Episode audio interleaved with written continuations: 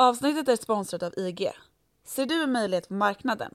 Handla IGs Turbovaranter Turbo24 och köp aktier från 8 länder och runt 70 företag med möjlighet att gå både lång eller kort.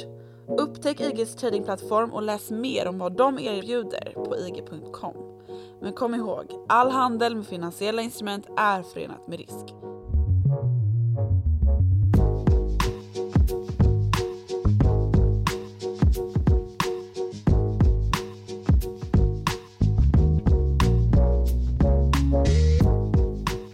Under våren 2021 steg en ny stjärna på de svenska småspararnas himmel när diagnostikbolaget Eiger Bio blev en pandemivinnare utan dess like med ett börsvärde som gick från 50 miljoner till 5 miljarder. Men på bara två månader efter att avtal med Folkhälsomyndigheten tecknats och miljonbeställningar börjat strömma in från Asien så rasade allt. Och de svenska småspararna satt återigen med Svarte Petter på hand när aktiekursen kraschade med över 80 procent. Särskilt den senaste veckan har varit mardrömslik för Egerby och vi är här för att sammanfatta vad är det som har hänt och vem bär ansvaret för den stora kollapsen? Det här är Follow the Money, en podcast om makt, storfinans och börsen av med mig, programledare Martin Nilsson och utrikesredaktör Joakim Rönning. Kan du eh, börja med att sammanfatta den här mardrömslika veckan? Man kan väl inte kalla det hela för så mycket annat? Nej, slakt kan man väl sammanfatta den som. Aktien har alltså fallit med 65-70% här i veckan bara. Och det hela började väl i, um, det har varit flera dagar med, med, med tvåsiffriga procenttalsnedgångar i Agribios aktie här under veckan. Och det här är ju ett bolag då som har på senare tid blivit granskat och inte bara av oss som ju mer direkt rapporterar nyheter och pressmeddelanden i största allmänhet utan kanske av branschmedia som Dagens Industri och Breakit måste man lyfta fram här. Mm. Och det har ju då handlat om de här affärerna som man har ingått då i Asien framförallt. Sen tidigare som sagt så finns det ju ett kontrakt med Folkhälsomyndigheten som står för ungefär 90% av de intäkter som man, som man har redovisat hittills. Men de här, det är ju de här affärerna i Asien då som det har gått väldigt fort med kan man konstatera och börsvärdet har ju svällt något alldeles. Det är ju här som som uppvärderingen kom där i somras när man skrev de första avtalen med borta i Asien där. Fick, fick sina covid-tester godkända och började då ta ordrar. Mm.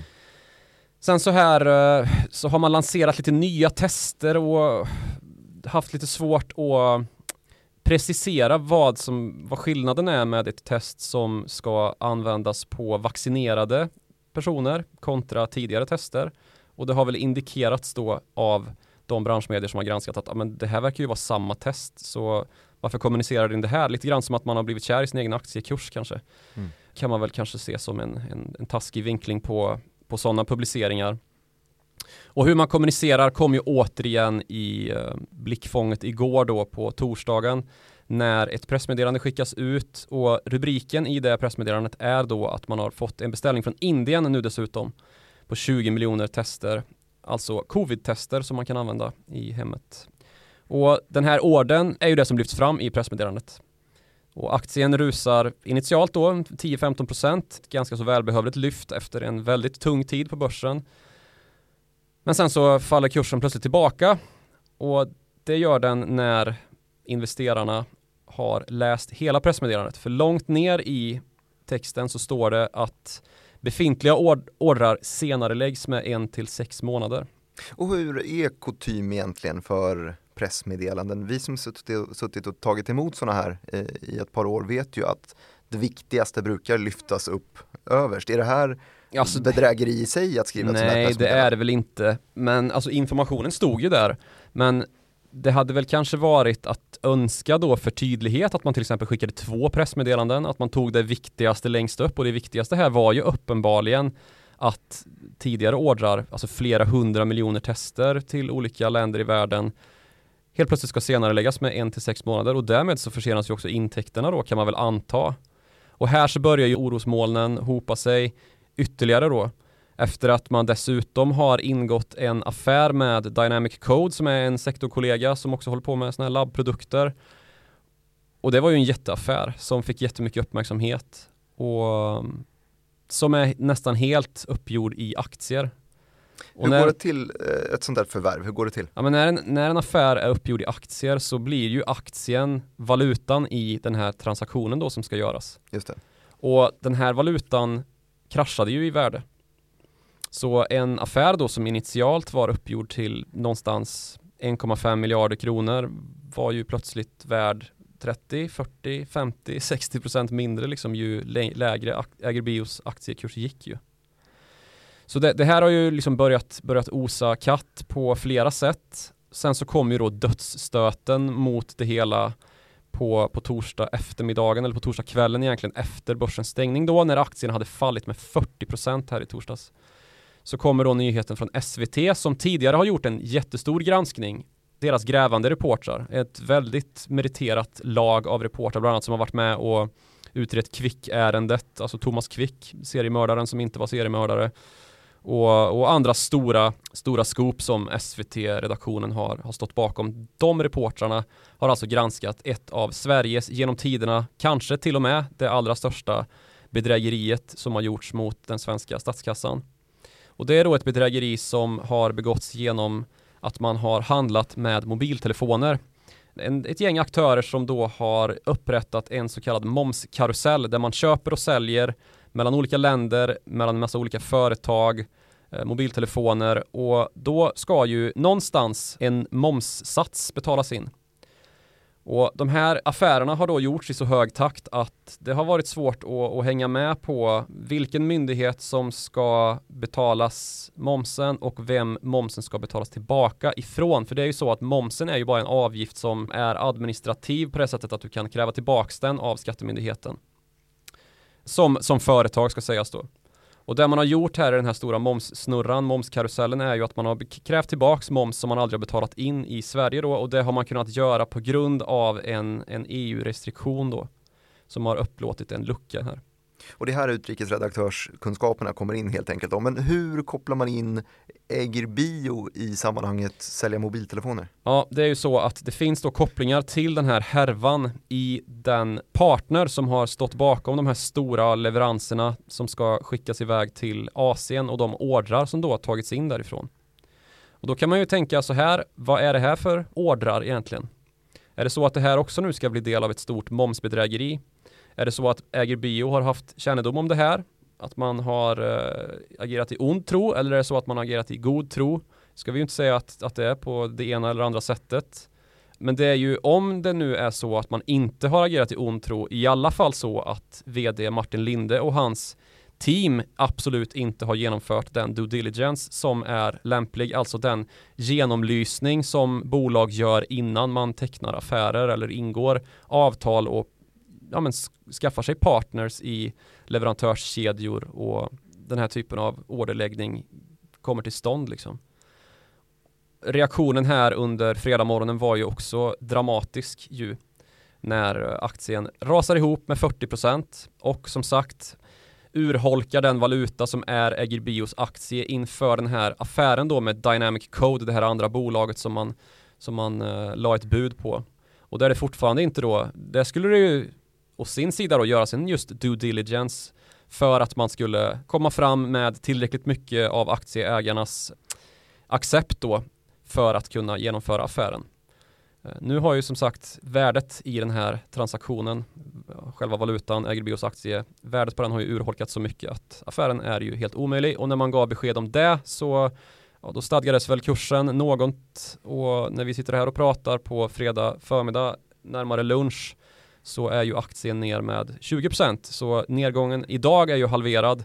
Men som sagt, enda, enda uppgångsdagen den här veckan är 2,5%. Övriga dagar har det varit totala ras i kursen. Och oerhört många småsparare har ju bränt sig här. Mm, det är 24 000 aktieägare räknade jag på, uh. på Avanza och då snackar vi ju det är otroligt mycket för ett sånt här bolag som då noterades för drygt ett år sedan med en värdering på 50 miljoner. Alltså det här är ett bolag då, om man inte är så insatt i småsparar Sverige, det här är ett bolag som alla har pratat om. För att det är så, det har liksom gått från 50 miljoner till 5 miljarder i börsvärde. Det är väldigt många som har blivit rika, i alla fall på pappret, mm. på att äga aktier i Äger Bio. Och det här har ju också följt den trend som har varit just pandemivinnare.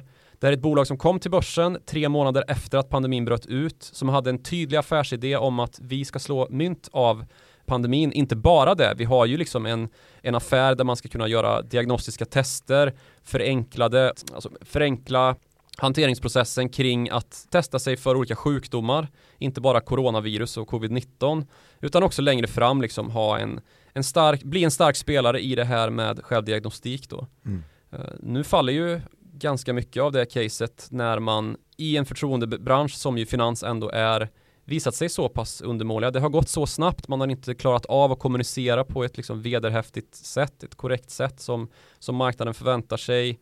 Och nu sitter småspararna med Svarte Petter återigen och det är ju för att ge någon form av storleksordning också så kollar man på aktieägarlistan, 24 000 aktieägare kanske inte säger så mycket men då hamnar man precis i sällskapet. Bolaget som har fler aktieägare är till exempel Electrolux ovanför, direkt under i Intrum. Men man är ovanför Saab, Cloetta, Atlas Copco, B-aktien i alla fall.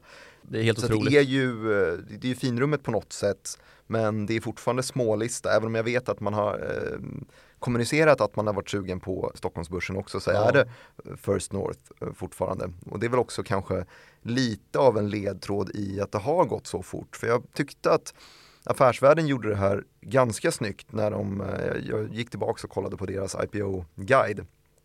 Eh, och de har ju ett system där de lyfter antal flaggor inför en notering. Det är inte så att de djupdyker särskilt hårt i bolaget, men de har ett par för vad ska man säga, förkalibrerade varningsflaggor som de hissar om det är så att de tycker att emissionskostnaden är för hög och de tycker att ledningens ägande är för lågt, eh, dåliga incitament och så vidare. Och här, tre av de här flaggorna är ju sånt här som tyder på att det har gått väldigt fort. En flagga är att det är ett omoget bolag. VDn Martin Linde hade varit på bolaget i, i en månad skriver de innan de gick till börsen. Så han, han, känner inte till det särskilt bra i alla fall när han börjar. Nu har han varit där ett tag. Det är, lyfter de en flagga om märkliga avtal. De kan inte peka på någonting specifikt eh, vad jag kunde se här men det var följde väl inte mm, praxis riktigt och det var svårt att tyda vad det var för någonting. Och det hänger också ihop med den tredje flaggan som är just bristfällig information. Och det här är ju någonting som inte nödvändigtvis betyder att det är ett dåligt bolag, men det är i alla fall att du ska kanske inte köpa bara den här aktien med hävstång, eh, är väl ungefär det affärsvärlden menar när man lyfter eh, jag räknade till sex stycken olika sådana här punkter, sex stycken olika flaggor som de hade lyft inför och det är mer än genomsnittsbolaget som går till börsen i alla fall. Men eh, framgår det någon självkritik då efter att de utsåg Äger Bio till fjolårets bästa notering. Ja men det är ju ändå lite så här måste jag väl också få lyfta ja, Mikrobolagsnotering kan man väl säga då, eller var det bästa notering Tutti Balutti kanske? Ja det kan det nog ha varit ja. men det där är ju till affärsvärldens ja, försvar bara aktiekursmässigt. Ja, det, de lyfter ju den som utvecklas mest. Absolut, um, och man bör väl också kanske, alltså styrelseordförande i Agribio har ett uttalande i det pressmeddelande som, som eh, skickades ut då under torsdagskvällen där man helt liksom slår ifrån sig att man tar avstånd från all typ av kriminell verksamhet, vill inte förknippas med den och inte heller personer som är involverade i sånt och det här momsbedrägeriet och den koppling som görs. Man blev ju helt bestört i eh, Martin Linder vd blev ju helt bestört när eh, han blev uppringd av SVT och betonade att det handlar om affärer som gjorts av samarbetspartners och inte av Äger Bio själva. Men de här kopplingarna är ju otroligt besvärande alltså. Och det kan ju mycket väl vara så att Bio är utsatta för att eh, liksom hamna i några momsbedragares garn helt enkelt. Att man vill använda de här diagnostiska testerna som nu säljs och köps över världen och får en liksom hyperladdad omsättning. Det är ju i den här hyperladdade omsättningen som det går att göra de här momsbedrägerierna då. Och problemet ändå då är ju att i det här budet på Dynamic Code så var det fyra aktörer som köpte aktier och en styrelseledamot i en av de här köparna är enligt Skatteverket då inblandad i den här momshärvan. Så det är ju det ser inget bra ut. Och... Så även om inte Äger Bio i sig har medvetet gjort någonting fel från, från ledningshåll så gör det här att bolaget ser jäkligt risigt ut. Ja, det, det bär ju vittnesmål om att man inte har gjort sin due diligence och det säger väl allt liksom. Det här har gått för fort, helt uppenbart. Mm. Det har gått från att vara ett 50 miljoner bolag Martin Linde anställdes en månad innan noteringen och sen har det bara rusat på liksom. Och de här 100 miljoner beställningarna har ju också liksom forsat in och samtidigt en, en fest, liksom, en stark omsättning från Folkhälsomyndigheten och därigenom trovärdighet då för själva produkten. Men ja, organisationen har väl inte gått att bygga lika snabbt som, som affären och plötsligt satt man där med, eh, med bedragare som försökte slå dank av deras eh, starka utveckling helt enkelt. Mm. Men nu är man ju ändå nere och handlas på nivåer som är ja, men, låga jämfört med för, för en månad sedan. Men eh, det är fortfarande tre gånger introduktionskursen ungefär, mm. kring 60 kronor. Och det här kommer ju svänga ganska snabbt gissar jag. Eh, men det här är då lunch på fredagen som vi sitter på de nivåerna. Vad egentligen är det värsta som kan hända nu? Vad får man för påföljder av att ha varit med i en bedrägerihärva? Eller är det bara det här dåliga goodwillen? Risken är väl att det plockas upp utredningar. Nu ska man ju göra en intern utredning först och främst då. Martin Linde vill inte uttala sig för oss här på Nyhetsbyrån direkt på, på fredag morgonen för han hade fullt upp med annat ungefär. Eh, och de, de eh, uttalanden som gjorts står ju för sig själva då från pressmeddelande och annat. Men vid sidan av det så finns det väl kanske risken att andra plockar upp intresset för att göra utredningar och då pratar vi ju inte om interna utredningar utan om tillsynsmyndigheter, mm. eh, ekobrottsmyndighet, vi har en finansinspektion och... och den stora risken här är väl också att även om man får väldigt mycket legitimitet av eh, Folkhälsomyndigheten som, som eh, kund hittills så är det väl inga stora nya legitima aktörer som vill knyta avtal just idag i alla fall. Nej, frågan är, väl om, frågan är väl om Folkhälsomyndigheten ens kan göra det. Alltså deras covid-strategi är ju liksom grunden för hela den intäkt som, eller 90% av den intäkt som man hittills har och eh, över en tid som förlängdes genom det här pressmeddelandet där man gav beskedet om att framtida ordrar också ställs fram med 1-6 månader så är ju Folkhälsomyndigheten fortfarande liksom bärande för kassaflödet. Så eh, nu när det blir på det här viset så kan man väl fråga sig om Folkhälsomyndighetens strategi visar vi äger bios tester i alla fall måste läggas om för att man kan ju inte som myndighet liksom förknippas med det här. Mm. Kanske, jag vet inte. Det, det är ju en, en tanke som nog väcks hos många investerare. Och i största allmänhet så är ju som sagt förtroendet otroligt viktigt för börsbolag. Och när man fallerar på det här viset så, så då blir det blodigt. Det här är en av de värsta kursslakter som jag har sett faktiskt. Mm. Avslutningsvis då, går det att dra några paralleller till eh, tidigare fall eller andra bolag? Ja, du tänker på tidigare liksom småspararfavoriter som har kollapsat. Mm jag vet inte, det, varje stjärnas fall har väl sin egen bana. Men eh, det finns väl allt, det finns väl hur många fall som helst där småspararna just sitter på, med Svarte Petter på hand. Fingerprint är väl det som, som dyker upp närmast i, i minnet liksom. Men det var väl inte oegentligheter som de här som, som har med liksom kriminell, konstaterad kriminell verksamhet att göra. Eh, och kopplingar dit. Men det är ju så här. Alltså storägare kommer till börsen med ett bolag och sätter ut det, säljer av aktier, trycker lite nya. Bankerna är med i noteringen och det är småspararna som kommer in sist. Liksom. Det är ju det stora problemet och småspararna har dessutom alltid sämst information, sämst erfarenhet och när det väl tar fart så gör det det ganska omgående och ganska så markant i sådana här case då där det kommer jätteordrar. Det var ju samma sak i Fingerprint ju att det var en helt ny bransch som uppstod med fingeravtrycksläsare för mobiltelefoner och annat så hade Fingerprint sin unika teknik som skulle säljas över världen till, eh, till en, en modul som varje person, alltså en mobiltelefon som varje person har i sin ficka. Och det var guld och gröna skogar. Men eh, sen så kommer verkligheten i kapp. Det kommer konkurrens. Här handlar det om Eh, Eh, covid-19 som den stora liksom, utlösande faktorn bakom det här racet och de här stora ordrarna då som har lagts. Men ja, det gick för fort för Fingerprint, fel slutsatser drogs och när det väl liksom tar fart uppåt så är det ju ofta småsparare som drar de här förhastade slutsatserna och känner liksom att äntligen är det min tur att göra den här stora affären, mitt livsaffär. Men det är ju så också att liksom även blinda hönor hittar ibland korn och tyvärr så är väl det här ett lysande exempel på det liksom att eh, det har ju funnits bland lite mer etablerade spelare. Det, det, har ju varslats ganska, ganska duktigt om att det är någonting som inte stämmer här. En massa ordrar borta i, borta i Asien. Går det verkligen att, att fastställa hur pass liksom gedigna de här aktörerna är och så kommer liksom dessutom Folkhälsomyndigheten in och skänker sin liksom dignitet och till det här caset så, så är det klart att det, att det tar fart.